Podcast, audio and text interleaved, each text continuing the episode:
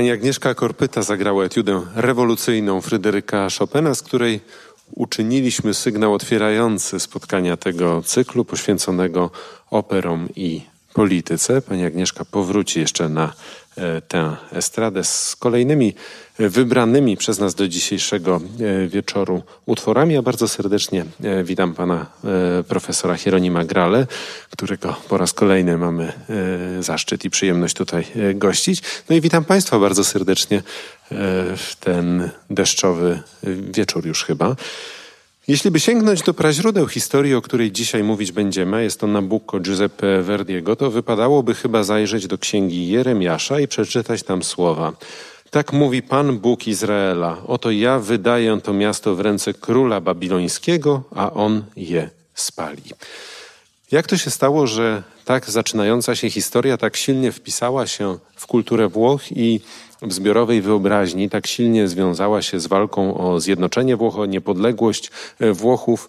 E, jak e, Verdi sam tę sprawę traktował i czy od początku widział w sobie symbol Risorgimento i myślał w tych właśnie kategoriach komponując Nabucco, Nabuchodonozora. To są pytania, na które nie zawsze da się znaleźć jednoznaczną odpowiedź. Ale może zacznijmy od samego dzieła napisanego przez Verdiego do libretta Temisto Klesa Solery.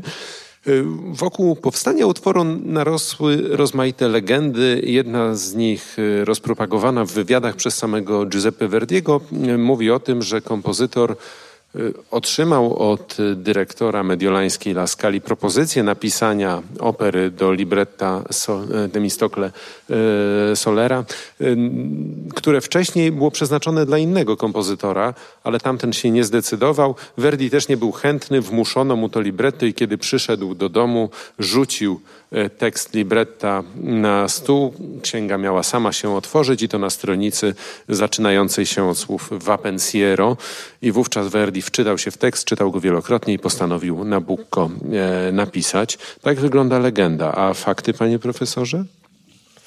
No, myślę, że ten tekst, który miał się otworzyć Verdiemu, e, był skądinąd mu dosyć dobrze znany Przecież to jest tekst psalmu.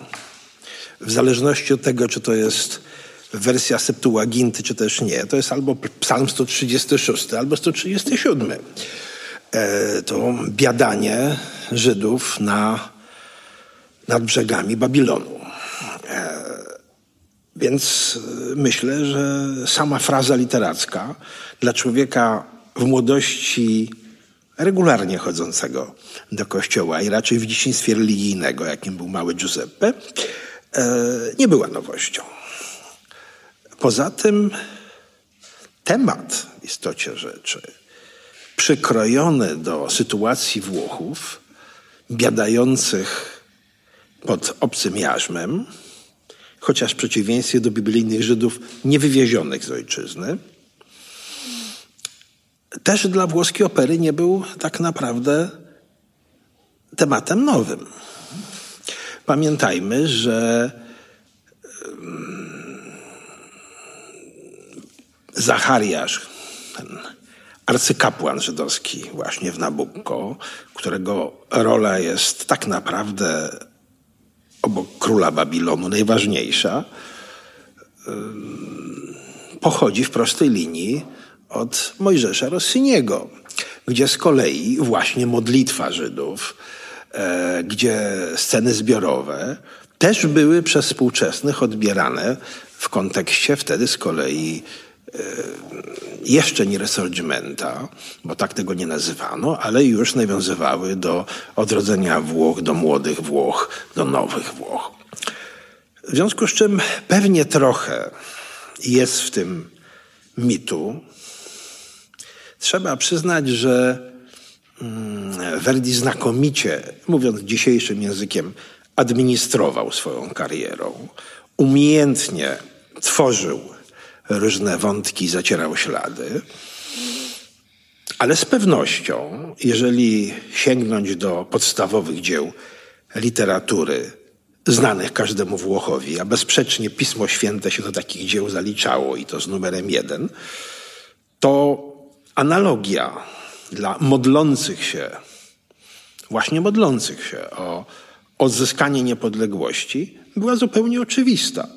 Warto pamiętać o jeszcze jednej rzeczy, że ten kontekst religijny mm, nie do końca jest kwestią przypadku, bo spora część działaczy niepodległościowych włoskich to bynajmniej nie karbonariusze, nie rewolucjoniści, nie wolnomularze, ale także ludzie orientujący się na przykład, nie pierwszy raz w dziejach Italii, na Rzym i na papieża jako potencjalnego zjednoczyciela, o czym będziemy pewnie jeszcze dzisiaj mówić. W związku z czym wiele się tutaj różnych wątków pulsujących wtedy w życiu politycznym Italii spotkało.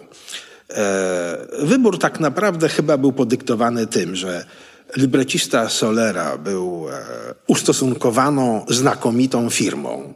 Było wiadomo, że jego libretta dobrze służą kompozytorom i świetnie się sprzedają. Był przyjacielem dyrektorów teatru, więc było wiadomo, że libretto Solery to jest gwarancja zamówionej opery u kompozytora, a mamy do czynienia z młodym kompozytorem. Przecież. Który dopiero co poniósł stromotną klęskę. Straszliwą katastrofę, może nawet niezasłużoną, jak dzisiaj by się okazywało, kiedy słuchamy tego dzieła, które było polonikum przecież. Skądinąd. Tak, tak, tak, tak ponieważ opera, druga opera w karierze Verdiego, która przyniosła to katastrofę poprzedzającego Nabucca, to jest Dzień Królowania, gdzie mamy do czynienia z włoską imaginacją pewnego epizodu z polskiej historii i tak naprawdę mm, chodzi teoretycznie o Stanisława Leszczyńskiego. I tutaj przychodzi propozycja. Przychodzi propozycja, a Solera jak zwykle ma parę odrzuconych gdzie indziej z jakichś tam względów, e, pisanych skądinąd zazwyczaj w pośpiechu libret. To co ten biedny żyjący, może jeszcze nie w ubóstwie, ale e, na koszt teścia tak naprawdę. E, młody kompozytor, który dopiero co przeżył jeszcze katastrofę osobistą i nie chodzi wcale o e, klapę teatralną, ale przecież śmierć żony. E, również to w pewnym stopniu zwraca jego myśli ku, ku religii oczywiście. I to wszystko pewnie się razem kumuluje w taką właśnie erupcję emocji, które się przełożą na erupcję talentu. Tutaj Nabucco się miało okazać bardzo szczęśliwe dla Giuseppe Verdiego, bo nie dość, że sukces, to jeszcze poznał drugą żonę przy okazji pracy nad tym tytułem, e, Giuseppine Streponi, e, która śpiewała partię e, Abigail.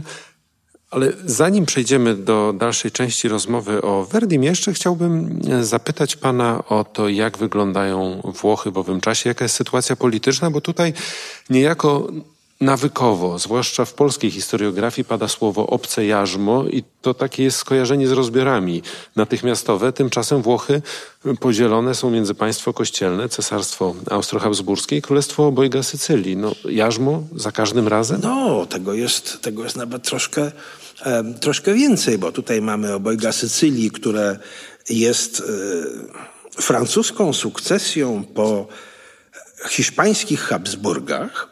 E, ukonstytuowano jako e, odnawianie starych reżimów na kongresie mm, wiedeńskim. Do tego mamy państwo papieskie, mamy Rzym, do tego mamy o różnym poziomie e, swobody mm, prowincje mm, podległe Habsburgom i mamy szereg różnych jakichś takich małych enklaw, które są bytami hybrydowymi. No, proszę Państwa, pozostałością tego stanu rzeczy e, jest oczywiście dzisiejszy język włoski. E, I problemy e, trwające właśnie od czasów szczęśliwego zjednoczenia Włoch, być może przy udziale muzyki Verdiego, e, kiedy trzeba było podjąć decyzję, w jakim języku ma odrodzone państwo i zjednoczony naród mówić. No i padło na lingua toscana, padło na dialekt toskański, e, którym zresztą władała zdecydowana mniejszość obywateli, ale to już i, i, tak długo to trwało. To jest podzielone, to są różne tradycje. E, na pewno nie ma na sali chociażby jednej osoby, która nigdy nie była w Italii. A Polacy do Włoch jeżdżą chętnie i często, w związku z czym przejazd przez Italię od Przedalpia do Sycylii e, pozwala zrozumieć, że mm, skoro dzisiaj tak bardzo się między sobą północ i południe różnią, to wtedy musiały różnić się daleko bardziej. Różniły się rzeczywiście bardzo i to jadą Państwo do Mediolanu. E, no i jesteśmy w jednej z prowincji domu habsburskiego, ale linii austriackiej. Mamy Europę Zachodnią, mamy wszystko tak jak w Styrii, Karyntii czy w Austrii. No ale jedziemy właśnie do któregoś z ośrodków Królestwa Obojga Sycylii, prawda, do Neapolu czy do Palermo i wszystko jest inaczej. A wtedy było daleko bardziej inaczej. Wtedy na przykład rozkładały się zupełnie inaczej ambicje polityczne i sympatie polityczne. E, nie darmo jeszcze wtedy, jeszcze przed zjednoczeniem, e, Włosi zwracali się nie tylko do Pisma Świętego, ale do Dantego i do takich fraz boskiej komedii, jak w przekładzie Emila Porębowicza, biedna Italia, wielka boleśnica i tak dalej, i tak o już nie pani ludów, niewolnica. I sobie to powtarzali i szukali w tym siły, bo to było oczywiście podzielone. Różne były e, intensywności, ja bym powiedział, e, poszczególnych reżimów. Bourbonowie funkcjonowali inaczej niż Habsburgowie. Administracja papieska, która wcale nie była taka łagodna, kiedy miała do dyspozycji cokolwiek więcej niż Città del Vaticano, no też funkcjonowała inaczej. To jest kolejny temat operowy. Jak Państwo oglądają Toskę, to jednak złowrogi prefekt policji jest funkcjonariuszem państwa papieskiego przecież, no co tu dużo gadać. Zostajemy zdecydowanie przy Nabucco. No, no, więc rzeczywiście sytuacja dla Włochów była trudna, chociażby dlatego, że Italia była jak patchwork, rozerwana między zupełnie różne tradycje, tradycje cywilizacyjne i należała do różnych bytów państwowych. I może właśnie stąd taka popularność opery jako tego języka wspólnego dla całego Półwyspu i więcej języka, którym Włosi komunikowali o swojej potrzebie jedności e, właściwie mm, całemu cywilizowanemu, czy całemu zachodniemu światu w owym czasie? To jest w ogóle pewien problem, czy to nie jest tak, że to cały otaczający świat traktował operę włoską jako wspólny język całej Italii. Podczas kiedy w Italii to jest tak jak z malarstwem również e, baroku czy architekturą klasycyzmu. Oni wyraźnie dzielili się między sobą, co jest czyje. Różne szkoły, różne ośrodki, gdzie Mercadante, prawda? No, gdzie jego. Rossini miał kontrakty na północy i na południu. Nie, tak, ale jak już pan wołał Rossiniego, to przypominam, że on był traktowany jako wielki byt zewnętrzny bo Rossini miał kontrakty na północy i na południu, bo siedział w Paryżu. E, no to I to był ten to nasz później. rodak, który ma sukces jednak. W Muzeum Chopina to mocne słowa, panie profesorze. No, nie darmo się, tak powiem, nakładają te biografie. To trochę więcej zbierało się takich w salonach paryskich. Czy Giuseppe Verdi, pisząc Nabucco, myślał o tym, że stworzy nieoficjalny hymn Włoch, pisząc konkretnie E, Vapensiero i czy rzeczywiście Włosi tak szybko traktowali Vapensiero jako coś, co ich może jednoczyć w czasach, kiedy potrzeba hymnu była ogromna w tych narodach aspirujących do niepodległości? Czy hymnu? Czy hymnu? Proszę Państwa, tak naprawdę połowa wieku XIX to jest ten moment, kiedy zjawisko hymnu, hymnu narodowego, hymnu państwowego przecież dopiero się również w narodach zjednoczonych e, kształtuje tak naprawdę. My dzisiaj traktujemy jako oczywisty fakt, że hymnem jest Mazurek Dąbrowskiego. Ale czy on wtedy był hymnem? No zdaje się, że jeszcze przy Myśmy... narodzinach II Rzeczpospolitej nie było oczywiste, oczywiście. że będzie. Jeżeli e, no, możemy na głowie stanąć, wykonywać jakiekolwiek łamańce, żeby e, wskazać jakie utwory były najważniejsze, a mi ulega wątpliwości, że od lewicy do prawicy, e, niezależnie od osobistej wiary, jeżeli coś aspirowało w owym czasie w podzielonej Polsce do roli hymnu, to oczywiście może coś polskie i to nie ulega żadnej wątpliwości. Właśnie dlatego, dlaczego Verdi się zwrócił do, do psalmu, bo to była rzecz ogólnie znana i powszechnie znajdująca się w obiegu. E, hymnu nie miała Rosja tak naprawdę prawdziwego. Trwały próby układania Boże się. Boże Chreni się pojawiło później. Tak, no jeszcze mieliśmy, prawda, w użyciu hymn skomponowany przez Polaka, o czym kiedyś mówiliśmy, czyli Grompa biedy rozdawaj się Józefa Kozłowskiego. E, dopiero zaczynały się rozmowy o, o tym, czy utwór glinki się nie nadaje. I tak dalej, i tak dalej. Hymn jako taki nie funkcjonował. Wyjątek stanowiła Francja, gdzie Marsylianka była czymś więcej niż hymnem, była czymś zupełnie innym. Była zawołaniem bojowym. Ona zresztą jak stawała się zawołaniem bojowym Francuzów i rewolucji, też miała konkurentów. Miała Carmagnole, miała Caira i tak dalej. A tutaj nagle stała się tym jednym chyba z najważniejszych osiągnięć napoleońskiej rewolucji kulturalnej, czymś, co połączyło wszystkich Francuzów. To pewną przeciwwagę może dla, dla Marsylianki czy innych pieśni francuskich, ale Marsylianki przede wszystkim stanowiłaby pewnie melodia, którą zaryzykowałbym, mm, można hymnem nazwać. Mam na myśli Gott erhalte e, unser Kaiser. Oczywiście. Oczywiście, Czyli... ale wynikająca z zupełnie innych przesłanek, bo my to mamy zapamiętane z satyrycznej wersji obśmiane w Seka Dezerterach, prawda? E, w istocie rzeczy przecież jest to um, utwór, który miał sprostać niesłychanie skomplikowanemu wyzwaniu politycznemu. Miał być wspólny dla tak wielu narodów wielonarodowej monarchii habsburskiej. I skończyło się na CK Dezerterach, tak? Ale trochę potrwało. Trochę potrwało. Jednak e, nieboszczka Austria długo trwała jako mocarstwo, imperium i tak dalej. To Także poprzez każdy swoje... trochę zazdrości. Także poprzez swoją kulturę, do czego w niebagatelny sposób przyczynił się Józef Haydn, między innymi komponując e, wariacje na temat hymnu Gott erhalte Franz der Kaiser, i o wykonanie tych wariacji poproszę panią Agnieszkę Korpytę.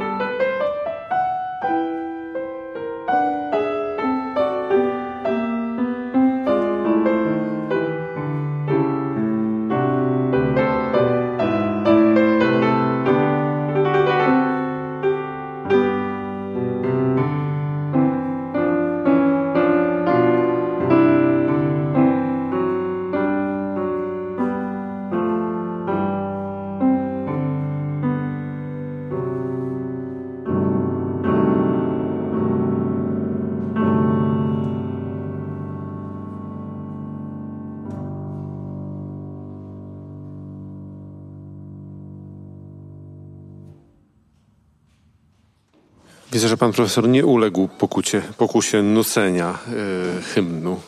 Pokucie też nie uległ. Pokucie też nie. Y, zastanówmy się chwilę nad y, kulturową sytuacją Włoch i polityczną sytuacją Włoch. I tutaj słuchaliśmy hymnu, mm, czy melodii, która miała jednoczyć tę wielość, jaką była monarchia habsburska.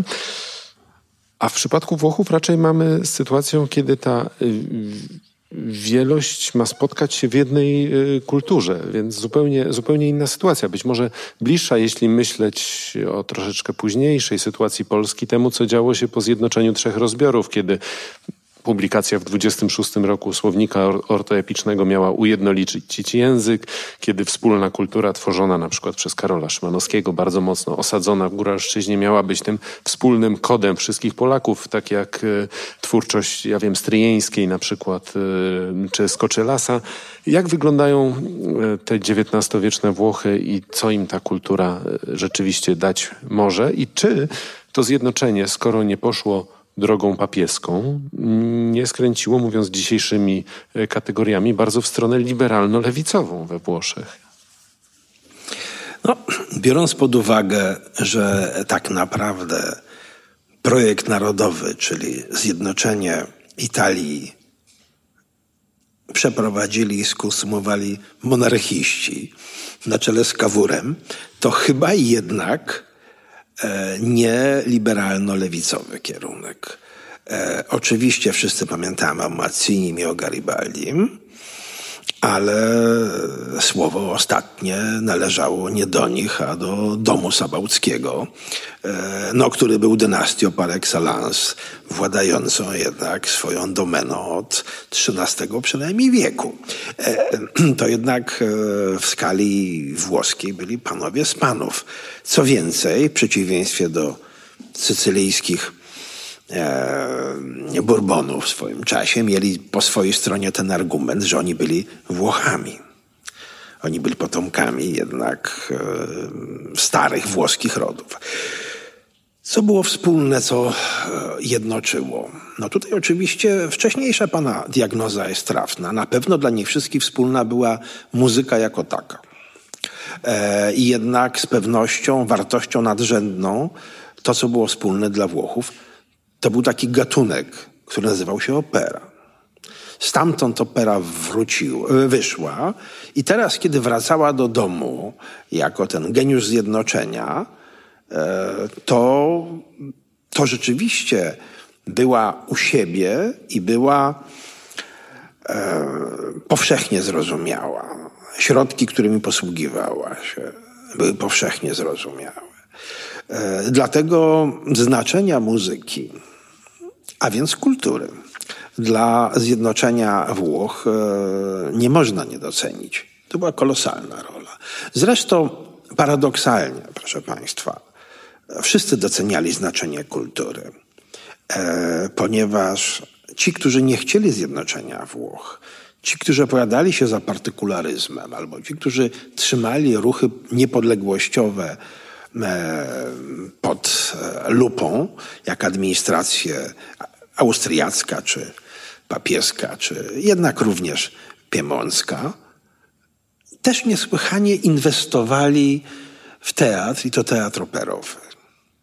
Jest taki pyszny e, memoriał premiera mm, rządu papieskiego z 25 roku 1825, który się martwi tym, czy teatry są przygotowane do sezonu bo przecież e, wszystko, co e, gnuśne, e, uparte e, i anarchistyczne, jednak pójdzie do teatru, więc łatwo można ich obserwować zebranych w jednym miejscu. Szpicle lubili operę, mówiąc oczywiście, krótko. Oczywiście, oczywiście. E, to samo dzieje się w środowisku biurokracji habsburskiej. Może sobie być rewolucja, ale jak ludzie chodzą do teatru, to nie mają czasu na głupoty. Zakłada Radecki, zakłada e, książę Sassuolo i tak dalej. Oni są przekonani, że że teatr jest wentylem. E, oczywiście trzeba umieć go odpowiednio dokręcić, żeby ciśnienie nie wybiło wentyla razem z zakręcającym. To właśnie była pragmatyczna umiejętność sporej części administracji Starego Porządku. Która zawiodła w Belgii, prawda? O czym mówiliśmy w tak, czasie jednego z No ale tam się dorwali do recenzowania, jak mówiliśmy, noworysze, którzy byli mniej wyrobieni artystycznie. E, markizowie włoscy, którzy mieli loże od XVII wieku, wiedzieli, co działa na rodaków. Można się było mylić, kiedy pan redaktor zapytał się e, wcześniej, czy, czy można się było spodziewać, że to Vapensiero odegra taką rolę. Proszę Państwa, nawet tak wielki twórca operowy jak Giuseppe Verdi nie zawsze wiedział, co w jego kolejnym udanym dziele będzie największym hitem. Eee, odwołajmy się do najprostszej rzeczy spoza tego partykularza, który tu będziemy omawiać. Nie ma na sali kogokolwiek, kto by nigdy nie słyszał La Donna Mobile. Wszyscy opowiadają o tym, ile było um, bisowań na premierze i tak dalej. Sęk w tym, że po premierze akurat nie La Donna Mobile było największym hitem e, w wieczory następne, tylko słynny duet zemsty si vendetta, tremenda vendetta. Wszyscy kataryniarze grali to tak, że kompozytor nie mógł słuchać. Były inne nastroje społeczne po prostu. Może inne wyczucie frazy również, no. E, no, tak czy inaczej, e, Verdi nie mógł wiedzieć. Ale wracając tutaj już na koniec do, do pańskiego e, pytania. Proszę Państwa, co w połowie, pod koniec pierwszej połowy XIX wieku Włosi mieli takiego, poza papieżem w Rzymie, resztkami koloseum, bo kuchnia jeszcze nie była popularna w Europie. E, wokół czego mogli się jednoczyć jako wokół sztandaru narodowego, symbolu narodowego. Malarstwo przebrzmiało 300 lat wcześniej. Architektura ostatecznie się wykruszyła w wieku XVIII. No to co zostało? Nie teatr, nie literatura. Została muzyka w różnych przejawach. Opera i śpiewacy. To oczywiście jest e, sprzężenie zwrotne. Opera najlepsza włoska, najlepiej będą śpiewać Włosi.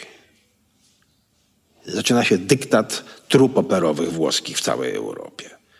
I dyktat repertuaru włoskiego. W tych wszystkich krajach, gdzie będzie się usiłowała przebić opera narodowa, bardzo często pierwszym zadaniem będzie złamanie włoskiego monopolu. Projekt oświeceniowy przełamać Oczywiście. Włochów. Tak, tak. No a potem romantyczny również przecież. Tak, oczywiście. Potężna gromadka w Rosji musi łamać monopol Włochów.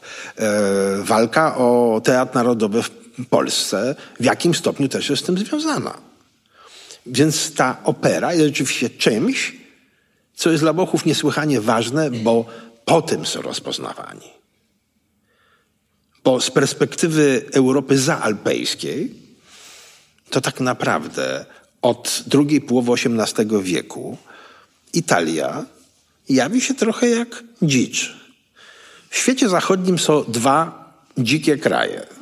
To jest Italia i Hiszpania. I oczywiście jeździmy tam kupować inskrypcje, e, skupować dzieła sztuki i tak dalej, i tak ale ale tak naprawdę, no to, to co to jest? No to jest taki biedny kraj, prawda? E, I to widać, jak się przegląda te pamiętniki, i dopiero kiedy podróżnik idzie do opery. To robi to na nim wrażenie. Poczytajcie Państwo wspomnienia rodaków, którzy chodzą sobie do opery, właśnie do San Carlo na przykład. Mówiłem o wentylu. Przecież e, król Karol w Palermo, który nawiasem mówiąc nie przepadał za operą, specjalnie wybudował teatr, żeby mieć społeczeństwo pod kontrolą. No i tak dalej, i tak dalej. Więc e, kolosalna rola opery. a poza tym uniwersalny język na wpół niepiśmiennego społeczeństwa. Poziom analfabetyzmu bardzo wysoki. A mimo to Verdi w sensie dosłownym staje się symbolem e, tej walki o zjednoczenie. Mam na myśli fakt, że nazwisko jego czytano jako skrót od e, Vittorio Emanuele Red Italia, prawda? Czyli Wiktor tak. Emanuel, król e, Włoch. I słusznie pan zwraca na to uwagę, bo sceptykom, którzy mówią, że mit Verdiego Będziemy na pewno jeszcze o tym dzisiaj mówić. Mit Verdiego jako zjednoczyciela, jako mm, współtwórcy narodowego programu zjednoczeniowego jest grubo przesadzony. Ale jedno pozostaje faktem, że 17 lat po premierze Nabucca, kiedy w Neapolu naród się zrywa do zjednoczenia z macierzą, w 1959 roku pierwszy raz na murach ukazują się napisy właśnie Viva Verdi. 17 lat wszystkiego minęło. Proszę zobaczyć, kim w tym czasie jest Verdi, co już skomponował. I proszę się nie dziwić, że naród tak reaguje, ponieważ z tego, co skomponował, a jeszcze przed nim największe jego dzieła, to przynajmniej 10 oper. To są opery w służbie idei narodowej, opery superpatriotyczne, rozbierane na cytaty, mówiąc kolokwialnie, nucone w przypływie e, patriotycznej gorączki, śpiewane w kościołach, bo co cztery modlitwy przynajmniej, e, bardzo funkcjonalne. Włosi są muzykalni, znudziły im się chorały, więc śpiewają Verdiego, prawda? E, I to oczywiście właśnie działa tak, jak, jak to Solera z Verdim zapisali w Apensiero. Ta myśl na skrzydłach złocistych niesie się nad Italią. Ta złota harfa przodków dźwięczy i cieszy patriotów. I tu chciałbym e, zwrócić Państwa uwagę na fakt, że często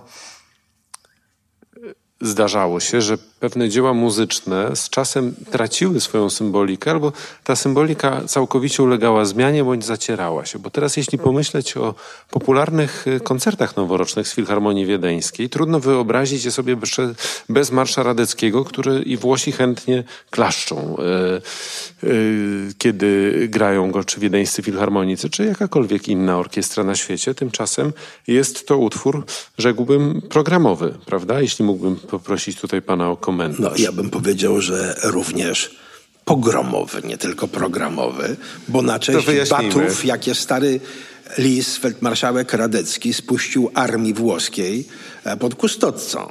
E, w 1848, tak? Tak, tak. Mając już pewne doświadczenie, bo on tych Włochów parę razy lał wcześniej tam. Pod Nowarą ich jest to też poturbowano strasznie, gdzie niezbyt skutecznie dowodził nasz bohater powstania listopadowego, generał Chrzanowski, który strasznie schrzanił tę bitwę rzeczywiście. Nomen omen, jak proszę Państwo rozumieją. Natomiast rzeczywiście po kustodcy to się yy, strasznie niedobrze Witali to skończyło. Yy, z tym, że warto pamiętać, że Radecki może być w Italii oklaskiwany, bo na tle swoich kolegów i konkurentów zachowywał się e, łagodnie wobec pokonanych. Demonstrował Stara coś, szkoła. co Włosi mówią, że właśnie taka łagodność, taka klemencja jak Giulio Cesare. E, natomiast jego konkurent e, Hainau był nazywany hieną z Bresci, bo kazał decymować ludność. E, więc różnica była zasadnicza. No ale Radecki był poza tym muzykalny, to może dlatego. Muzyka łagodzi obyczaje, proszę Państwa. Popatrzcie na nas z panem redaktorem. Jesteśmy łagodni, prawda? Tak. I tu mam nadzieję wybaczą nam Państwo przewrotne może poczucie humoru, że podczas wieczoru poświęconego y, Nabucco i Vapensiero Giuseppe Verdiego zaprosimy Państwa do wysłuchania Marsza Radeckiego Johanna Straussa Ojca w opracowaniu na cztery ręce w wykonaniu y, pani Joanny Korpyty i pana Javiera Malebrana. Zapraszam Państwa.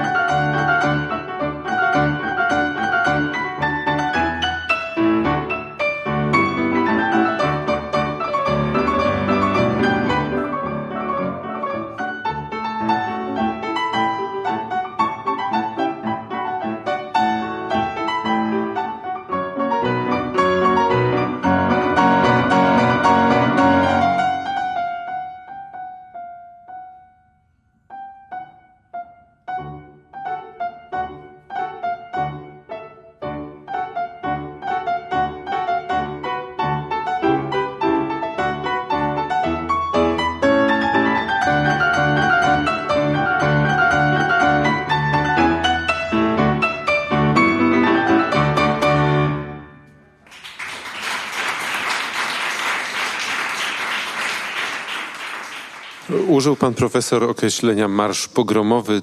Jesteśmy, myślę, teraz bardziej świadomi tego, jak dalece polityka kulturalna może piękny, dźwiękowy na przykład kostium nadać treściom zgoła e, strasznym. Wracając do Giuseppe e, Verdiego i jego Va Pensiero, które niewątpliwie jest jednym z symbolów, e, symboli zjednoczenia e, Italii.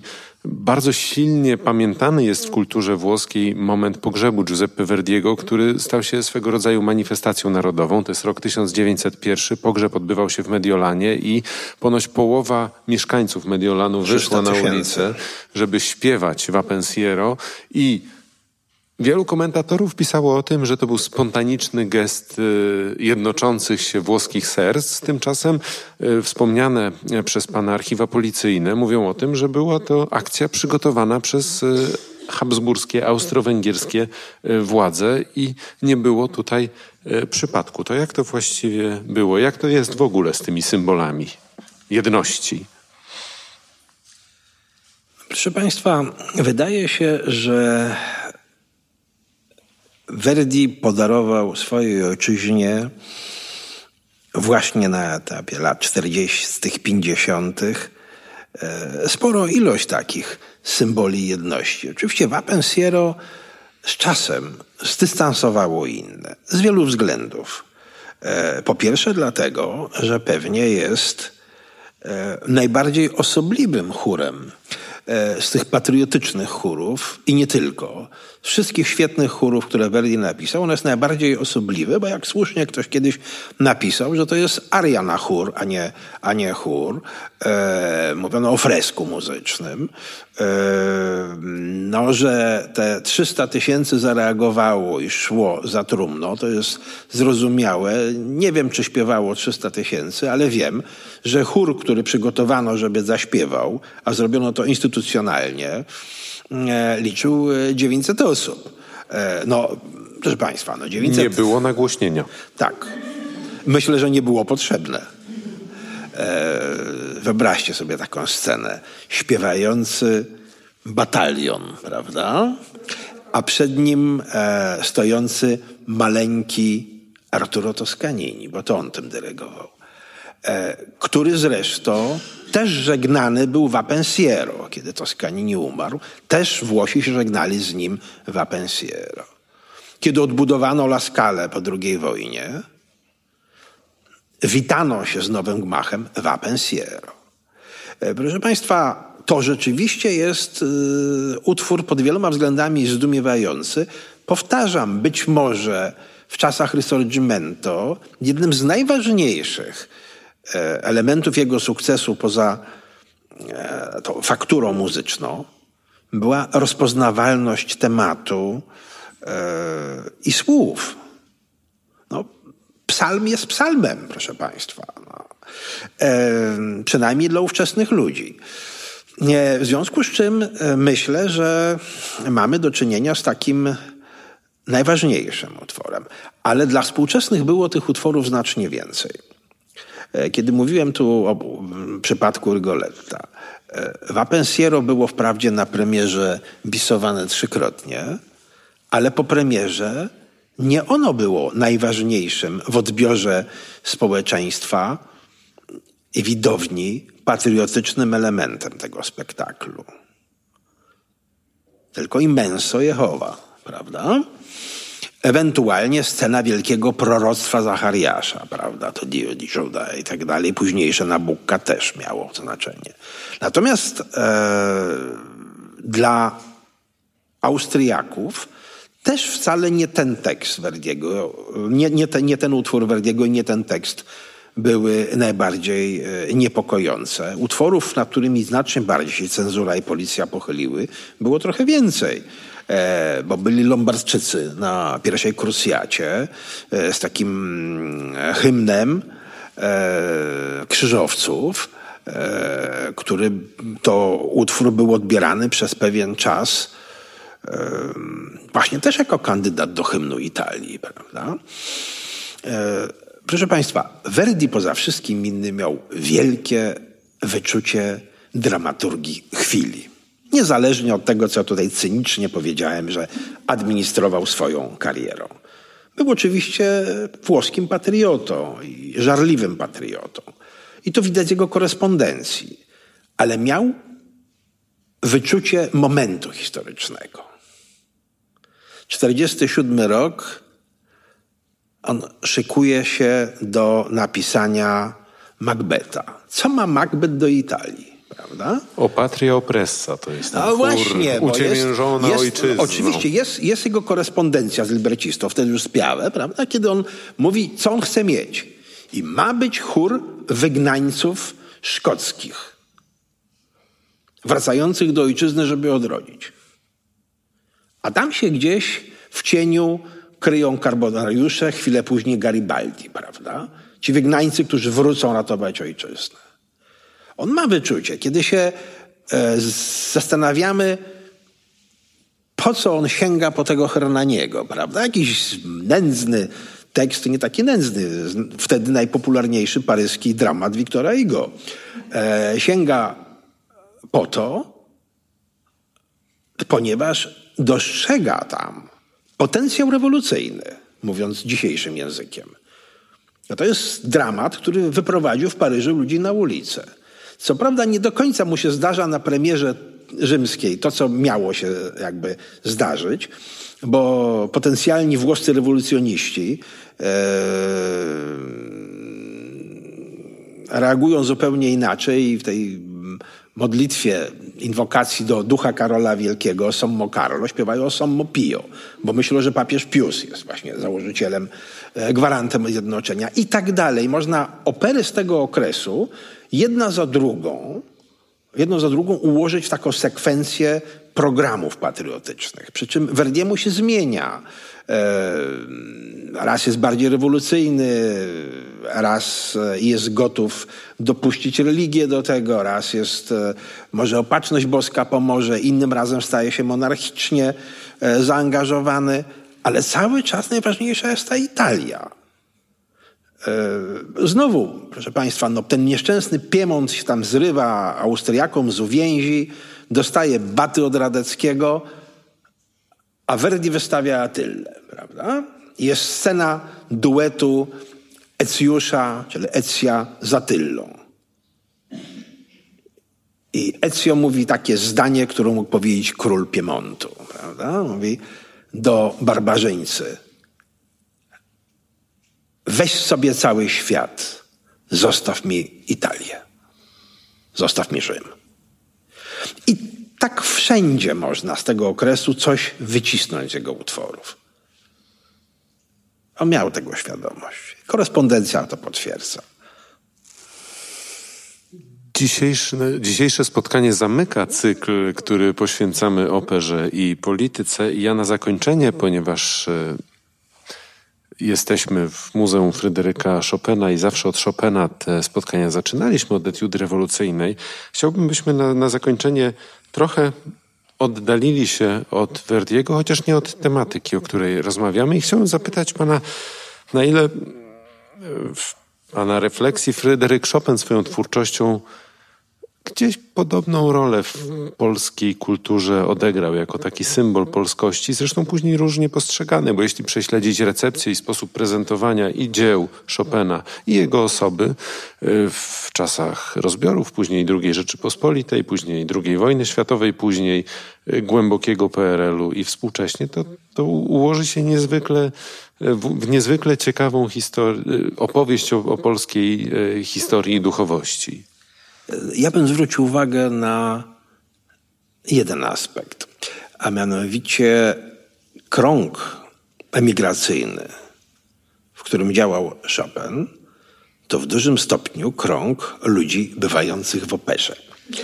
I nie jednym, wyłączając Fryderyka. No, tak, oczywiście, oczywiście. I to jest krąg ludzi, którzy z jakich właśnie względów, tych względów polityczno-propagandowych, powiedzmy to tak, tak naprawdę oczekuje, że Chopin wypełni swój obowiązek patriotyczno-artystyczny i podaruje Polakom operę narodową, tak naprawdę, że on napisze utwór operowy. A on tutaj te polonezy i mazurki, mazurki, polonezy i jeszcze parę innych rzeczy. No a gdzie jest ta wielka forma, prawda, patriotyczna? Sonata Nie. z marszem żałobnym. E, no tak, no tak. Marsz żałobny jako hejnał do boju to, to rzeczywiście tak. Gloria Victis, panie profesorze? Na nią jeszcze za wcześnie, ale e, wie pan, po wszystkich swoich doświadczeniach paryska wielka emigracja, e, zwłaszcza ta skupiona wokół Czartoryskiego, e, raczej myślała o przeżyciu i rozwijaniu idei niż o wysadzaniu się z ojczyzną w powietrze. Jest taki pyszny przypadek e, z wieczorów, na których Chopin bywał, e, kiedy siedzą ci nasi patrioci, weterani bojów z Dybiczem i Paskiewiczem i w pewnym momencie wstaje taki młody i kudłaty, ale już sławny, e, Adam miał na imię i mówi, bo trzeba było zagrzebać się w gruzach Warszawy. Trzeba było, żeby kamień na kamieniu nie pozostał. I weteran Legionów Dąbrowskiego, insurekcji i San Domingo zresztą. Kazimierz Małachowski, stary generał, podnosi się i mówi: Po to, żebyś pan mógł na gruzach siedzieć i opiewać poległych? E, otóż wydaje się, że ta emigracja wiedziała, że potrzebuje utworów, które będą brzmiały jak pobudka, a nie messa funebris. Zresztą to jest taki anegdotyczny jakby wkład do naszej rozmowy dzisiaj. Parę lat temu pewien rosyjski kompozytor zafascynowany polską muzyką, który zresztą przekonał się do Polski tak, że skomponował w 2008 roku na 90-lecie e, oratorium Gloria Polonica. Mm, wykorzystując zresztą obok e, różnych motywów elementy właśnie Mazurka Dąbrowskiego, usiłował mi dowieść, że my Mazurka gramy nieprawidłowo. E, ja byłem uczestnikiem ciężkiego dla mnie eksperymentu, jako urzędujący wtedy polski dyplomata, ponieważ na święcie narodowym, kiedy nastąpiło prawykonanie tej Gloria Polonika, ów maestro, dyrygujący orkiestrą, zadysponował na początek Mazurka. I część polskiej misji nie wstała, bo nie rozpoznała Mazurka. Eee, ja, stary i głuchawy, jednak się domyśliłem, co to będzie, więc wstałem, więc młodsi koledzy też wstali. Ale potem usiłowałem wyjaśnić, skąd taka aranżacja niekanoniczna. A mówi, to znaczy, że wyście w ogóle nie odrobili lekcji, wyście nie przeczytali źródeł, po co to powstało i dlaczego. No bo przecież ten Dąbrowski to chciał mieć utwór prowadzący żołnierzy do ataku na bagnety. Kto z was czytał regulamin fechtunku na bagnety? Raz, dwa, trzy, wykrok. Raz, dwa. O niestety w takim metrum przeranzował Mazurka. No oczywiście na wykroku to, to się działy rzeczy straszne. E, tak czy inaczej, Mazurek miał temu służyć. Stąd jego popularność e, e, w kręgach niepodległościowych. Chopin nie skomponował nam opery, ale na szczęście skomponował pewną ilość utworów, które, które mogły stać się takim właśnie płótnem, takim sztandarem narodowym. I chyba właśnie jeden z nich za chwilę zabrzmi. Tak i mam nadzieję, bo też jest metrum trójdzielne, poprosimy panią Agnieszkę bez wykroku. Polones Adur, opus 40, numer pierwszy.